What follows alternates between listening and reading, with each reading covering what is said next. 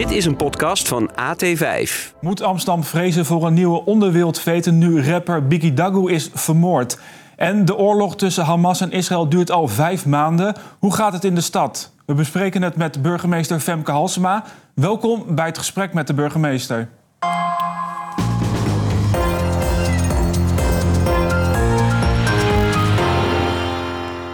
Mevrouw Halsema, welkom. Uh, fijn dat u er bent. Uh, ook toch een beetje een feestelijke week volgens mij voor u. Want uh, ja. deze week kreeg u de zegen van de Raad om nog zes jaar door te gaan.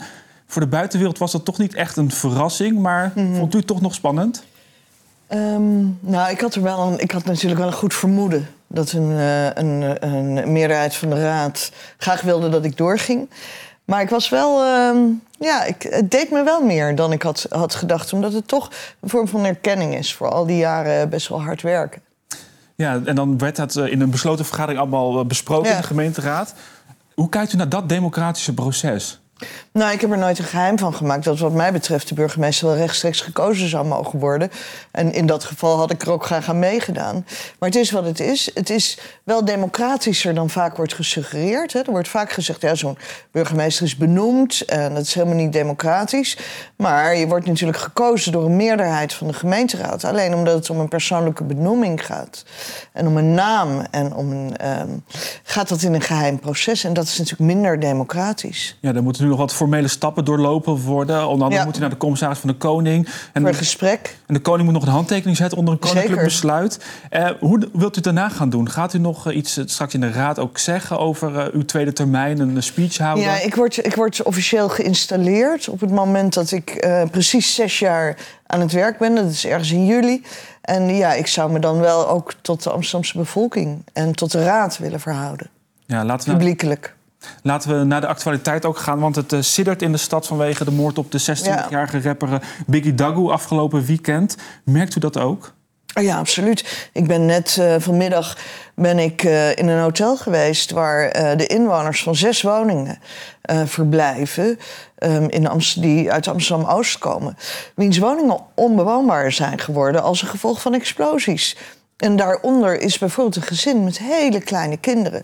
Dus het is um, het asociale, echt onverantwoordelijke gedrag van uh, um, uh, de jongens, de jongeren die deze explosies veroorzaken. Het is gewoon, het is niet te doen. Het is, uh, en je merkt het. Gelukkig doet de politie ongelooflijk goed werk. Um, natuurlijk is de verdachte van de moord is aangehouden in Parijs. Maar we hebben ook al een aantal verdachten van die explosies opgepakt. Dus dat is heel erg goed. We proberen zoveel mogelijk preventieve maatregelen te nemen. En daarmee hopen we te voorkomen dat het geweld zich voortzet. Ja, want vreest u inmiddels een onderwereldfeit? Want bij de explosie is ook de tekst war. En dan zien we hier even op het beeld ook op de muur geschreven. Ja. Nou ja, kijk, ik hoop ten diepste van niet. En ik doe ook een oproep aan iedereen die denkt uh, zich hiermee te moeten bemoeien. En ook overweegt om geweld te gebruiken. Mensen lijken niet in de gaten te hebben die die explosies uitvoeren.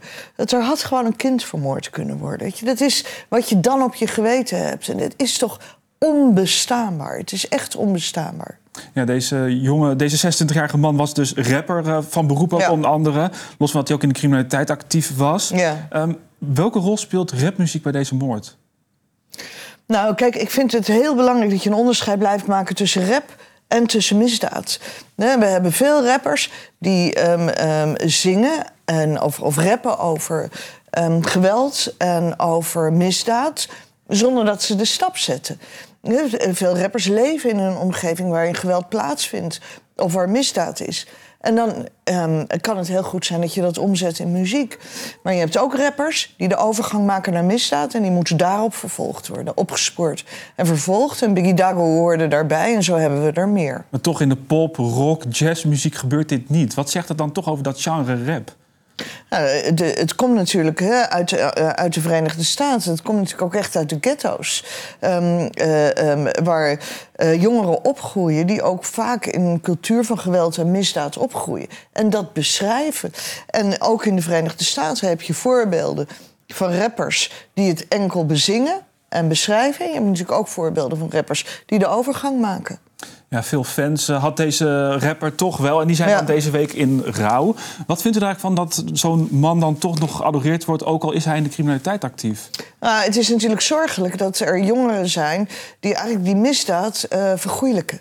En zeggen, maar het was toch niet zo erg. Dat zie je natuurlijk op internet nu wel gebeuren. En dat is wel heel erg. De moord op hem is heel erg. Het, ehm, eh, eh, eh, de represailles die er misschien op volgen, de explosies die daarna plaatsvinden, zijn echt afschuwelijk. Maar ook de misdaad waarmee hij zich inliet, is echt heel erg. En er kan op geen enkele manier een excuus voor worden gevonden. Donderdag eh, had u hoog bezoek eh, op de Amstwoning. Het eh, Ja. koninklijk paar kwam langs. Koning Willem-Alexander en koningin Maxima. Om met u en Amsterdammers in gesprek te gaan over het conflict tussen Israël en Hamas. Wat zich Ja. afspeelt en het vreselijke leed wat we op dit moment volgens mij ook zien in Gaza. Waarom wilde eigenlijk het koninklijk paar aansluiten bij die zogeheten Amstwoninggesprekken? Ehm, nou, ze hadden erover gelezen en gehoord in, in de media. Ehm, ze waren er zeer in geïnteresseerd. Ehm, ook omdat zij het ook belangrijk vinden om in contact te staan met al die verschillende bevolkingsgroepen. En ze waren eigenlijk benieuwd naar de manier waarop wij die gesprekken voeren. En het was, eh, ja, het was een heel bijzonder gesprek. Het waren bijzondere gesprekken. Ja, want eh, de media mochten natuurlijk niet bij die gesprekken zelf Nee. aanwezig zijn. Eh, maar was er bij die gesprekken dan ook echt begrip voor elkaar standpunt? Want we kennen natuurlijk allemaal de verschillende opvattingen die er zijn in de stad. Ja, kijk, we hebben eh, een eerste ronde van gesprekken gehad... eigenlijk met mensen die werkzaam zijn in de stad. Jongerenwerkers, politie, die uitleg hebben gegeven... over de emoties die er in de stad zijn, wat, zoals zij dat horen. En het tweede gesprek was met leden uit verschillende gemeenschappen... Joodse gemeenschap, Islamitische gemeenschap, Palestijnen... En wat je eigenlijk merkt, dat is dat in zo'n gesprek er heel veel ruimte ontstaat voor elkaars pijn.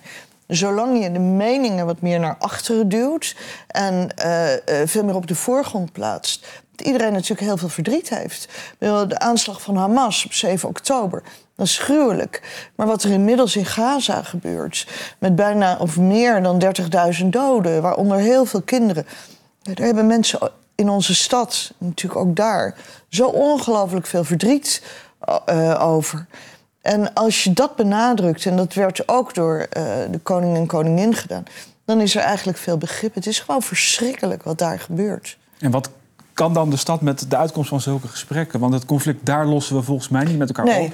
dat is ook een conclusie die wij eigenlijk in zo'n gesprek een aantal keren trekken. Wij lossen het conflict niet op. Wat wij wel moeten doen, is hier blijven samenleven en begrip voor elkaar houden. En ook zorgen dat we de oorlog niet in elkaar schoenen schuiven. Het is natuurlijk ontzettend belangrijk dat we de Joodse gemeenschap in Amsterdam niet verantwoordelijk wordt gehouden van het, voor het gedrag van de Israëlische staat. En tegelijkertijd is het ook heel belangrijk dat ehm, eh, ehm, Amsterdammers die zich ehm, eh, solidair verklaren met Palestijnen, dat die niet te snel horen dat ze antisemiet zijn of dat ze een Hamas-aanhanger zijn. Er zijn heel veel mensen die verdriet hebben over wat er daar gebeurt, maar die wel hier graag met elkaar willen samenleven. Ja, en toch heeft dat conflict daar zijn weerslag op de stad. Hebben we dit weekend Ja, ook weer gezien eh, rondom de februari-staking. Want eh, de buurtherdenking in Slotermeer Nieuw-West ging niet door. Door deze oproep op X, het eh, voormalig Twitter. Het was een oproep tot een intifada bij de februari-staking. Wat vindt u eigenlijk van deze afbeelding die verspreid is? Ehm, ja, weet u, ehm, ik heb geen gewoonte om demonstraties te becommentariëren. Dit hoort bij het vrije debat. Wat ik hiervan vind, laat ik even voor wat het, voor wat het is. Ehm, Maar het doet wel een deel van de Amsterdamse gemeenschap, vooral de Joodse gemeenschap, pijn dat er een eh, Palestijnse zaak bij de februari-staking herdenking wordt betrokken. Ja, en tegelijkertijd, eh, we hebben een buitengewoon waardige herdenking gehad. Er heeft tegelijkertijd een demonstratie plaatsgevonden die vreedzaam en goed is verlopen. Ehm, waarbij ehm, aan het eind van de februari-staking ook wel verderop vlaggen zichtbaar waren. Dat heeft naast elkaar kunnen bestaan. Maar in Nieuw-West is een februari-staking herdenking niet doorgegaan vanwege deze oproep. Ja, maar ik moet wel bekennen dat ik wat moeite met daarmee heb. Omdat eigenlijk er geen eh, aanwijzing was dat er een herdenking plaats zou vinden. Wij wisten daar niet van. En er was geen enkele aanwijzing dat er iets van onrust zou zijn. Dus er was geen reden om hem af te zeggen. Maar ja, ik, ik weet ook niet of het plaats had gevonden. Maar ehm, daarmee lijkt vooral een sfeer te zijn gecreëerd die Nieuw-West op dat moment niet verdiende. Nee, een van de bestuursadviseurs van uh, de stadsdeelvoorzitter van uh, Nieuw-West. Uh, ja. Tovik Dibi is de bestuursadviseur daar. U kent hem natuurlijk nog uit de Tweede Kamertijd. Heeft die foto die we net zagen ook op Twitter, het, voorma mm het, voormalig Twitter X gedeeld. Ja. Um, heeft u eigenlijk voor of daarna contact met hem hierover gehad?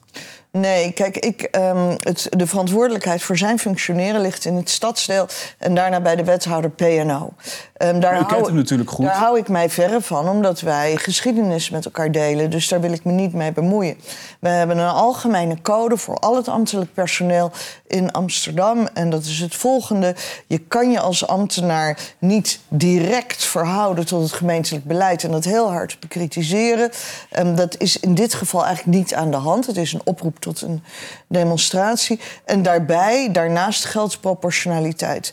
We hebben in dit conflict gezien, er is natuurlijk ook een petitie geweest... die door honderden ambtenaren is uh, onderschreven is dat er heel veel ambtenaren zijn met uh, gewetensnood. En um, kijk, zo'n conflict is natuurlijk toch van een andere orde dan bijvoorbeeld een knip of fietsbeleid. En dat ambtenaren hier meer emoties over hebben, dat, dat begrijpen wij wel als gemeente. En tegelijkertijd eisen wij natuurlijk wel van ons ambtelijk apparaat dat ze niet het gemeentelijk beleid ondermijnen. Nee, u zegt gisteren ook nadat het Koningspaar is geweest dat u eigenlijk niet wil dat het conflict wat Duits afspeelt wordt geïmporteerd in de uh, stad hier. Um, maar vervolgens ziet u wel dat bijvoorbeeld zo'n bestuursadviseur een tweet plaatst die nogal voor heel veel mensen mm. polariserend werkt. Ja, maar even, uh, volgens mij heb ik niet gezegd dat het niet. Kijk, het conflict is in onze stad.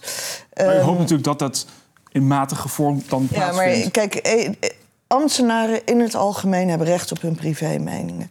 Ik ga hier al helemaal niet um, een bestuursadviseur individueel beoordelen. Dat heeft de wethouder gisteren ook niet in de raad gedaan. Ik heb nu de algemene lijn uitgelegd.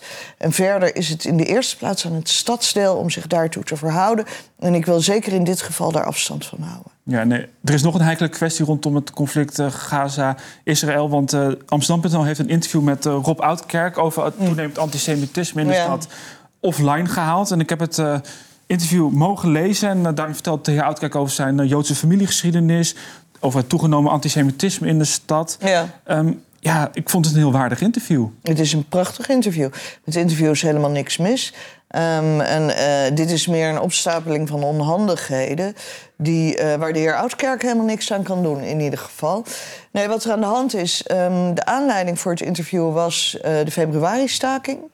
Um, dus het heeft acht dagen online gestaan. En na de februari-staking hebben wij het weggehaald. En de Had reden... u dat gewild, dat het weggehaald werd? Uh, ja, ik ben het daarmee eens. Om, uh, omdat Amsterdam.nl is geen journalistiek platform. En die weg slaat het wel in met dit interview. Dus ik vind eigenlijk, het is een interview dat een krant waardig is. Hè, dat heel goed in het Parool of bij u gekund. Maar Amsterdam.nl is um, helemaal geen journalistiek platform. Dat is de plek waar Amsterdammers informatie ophalen over de opening van de Bali-tijden of over opbrekingen uh, in de stad. Maar dit is natuurlijk al Op het moment dat wij de richting inslaan van een journalistiek platform, staat er onmiddellijk. veel langer en toch wordt er bij dit artikel besloten om het weg te halen. Nee, um, volgens mij, ja, ik was me er niet van bewust. Hier um, uh, zit toch ook een politieke lading in, waar volgens mij zo'n algemene site zich niet aan moet wagen. Die, daar moet ze niet aan starten. Het klopt wel dat het langer gebeurt. Maar ik vind ook dat we daarover na moeten denken. Ik vind dat dat eigenlijk niet de bedoeling is. Maar het weghalen is natuurlijk ook een keuze. Ja, kijk, want de volgende stap is namelijk dat er mensen uit de pro-Palestijnse beweging ook willen dat er interviews geplaatst worden. Ik vind dat je als uh, site die informatie verstrekt over de stad, die richting helemaal niet uit moet. Ik heb dat overigens vanmorgen ook aan Rob Oudkerk uitgelegd. Heb je ook excuses aangeboden? Ja, ik heb gezegd dat het slordig tegenover hem was. Dat het ook gewoon niet aardig was en dat begreep hij. Ja, nou is er natuurlijk best wel vaker discussie geweest al over bijvoorbeeld een uh, functie als een hoofdredacteur op Amsterdam.nl. Daar heeft bijvoorbeeld het oh ja? genootschap van hoofdredacteur over gezegd dat dat de journalistiek verder onder druk zet. Nou heeft Amsterdam.nl nog de functie van hoofdredacteur. Is dat niet iets wat dan ook tegen het licht gehouden moet worden? Geen idee. Dit is echt helemaal nieuwe informatie. Ehm, ik hou me daar niet op dit niveau mee bezig. Ik had geen idee van het genootschap van hoofdredacteuren en een mening over Amsterdam.nl. Ga ik eens lezen. Maar een herwaardering van de site en wat daarop gepubliceerd wordt namens de Ik gemeente? ga het gewoon eens lezen. Weet u, dit is toch. eh, bedoel, als ik het plaats in het licht van Biggie Dago eh, deze week. eh, überhaupt de onrusten die er in de stad zijn. Is dit niet de hoofdzaak waar ik me op dit moment mee bezig hou? Vorig De weekend, hoofdredactie van Amsterdam.nl. vorig weekend zat eh, Extension Rebellion op de snelweg. Toen zat u denk ik weer met de driehoek bij elkaar. Zeker. Is het dit weekend wat rustiger voor u? Ehm, nou, ik ga wel een aantal leuke dingen doen. Eh, ehm, ik spreek een aantal mensen. Ga ehm, zondag eh, lunchen bij ehm, de, de grote markthallen. ehm, op, het, op het voedseldistributieterrein. Dus dat is leuk. Een aantal leuke dingen te doen. Maar niet eh, met de driehoek bij elkaar, waarvan eentje gaat vertrekken natuurlijk. Ook dat nog, ja. Ja, dat was wel eventjes. Daar moest ik een traantje voor wegpinken. Dank eh, voor het gesprek, burgemeester. Jo. En u bedankt voor het kijken naar deze uitzending van het gesprek met de burgemeester. Volgende week hier weer Parkpolitiek. Voor nu een hele fijne dag. Vind je dit een leuke podcast? Laat dan een beoordeling achter in je favoriete podcast-app. Wil je meer podcasts van AT5 beluisteren over de Amsterdamse politiek? Check dan Parkpolitiek, de politieke talkshow met Nicolai Brennan. Abonneer je nu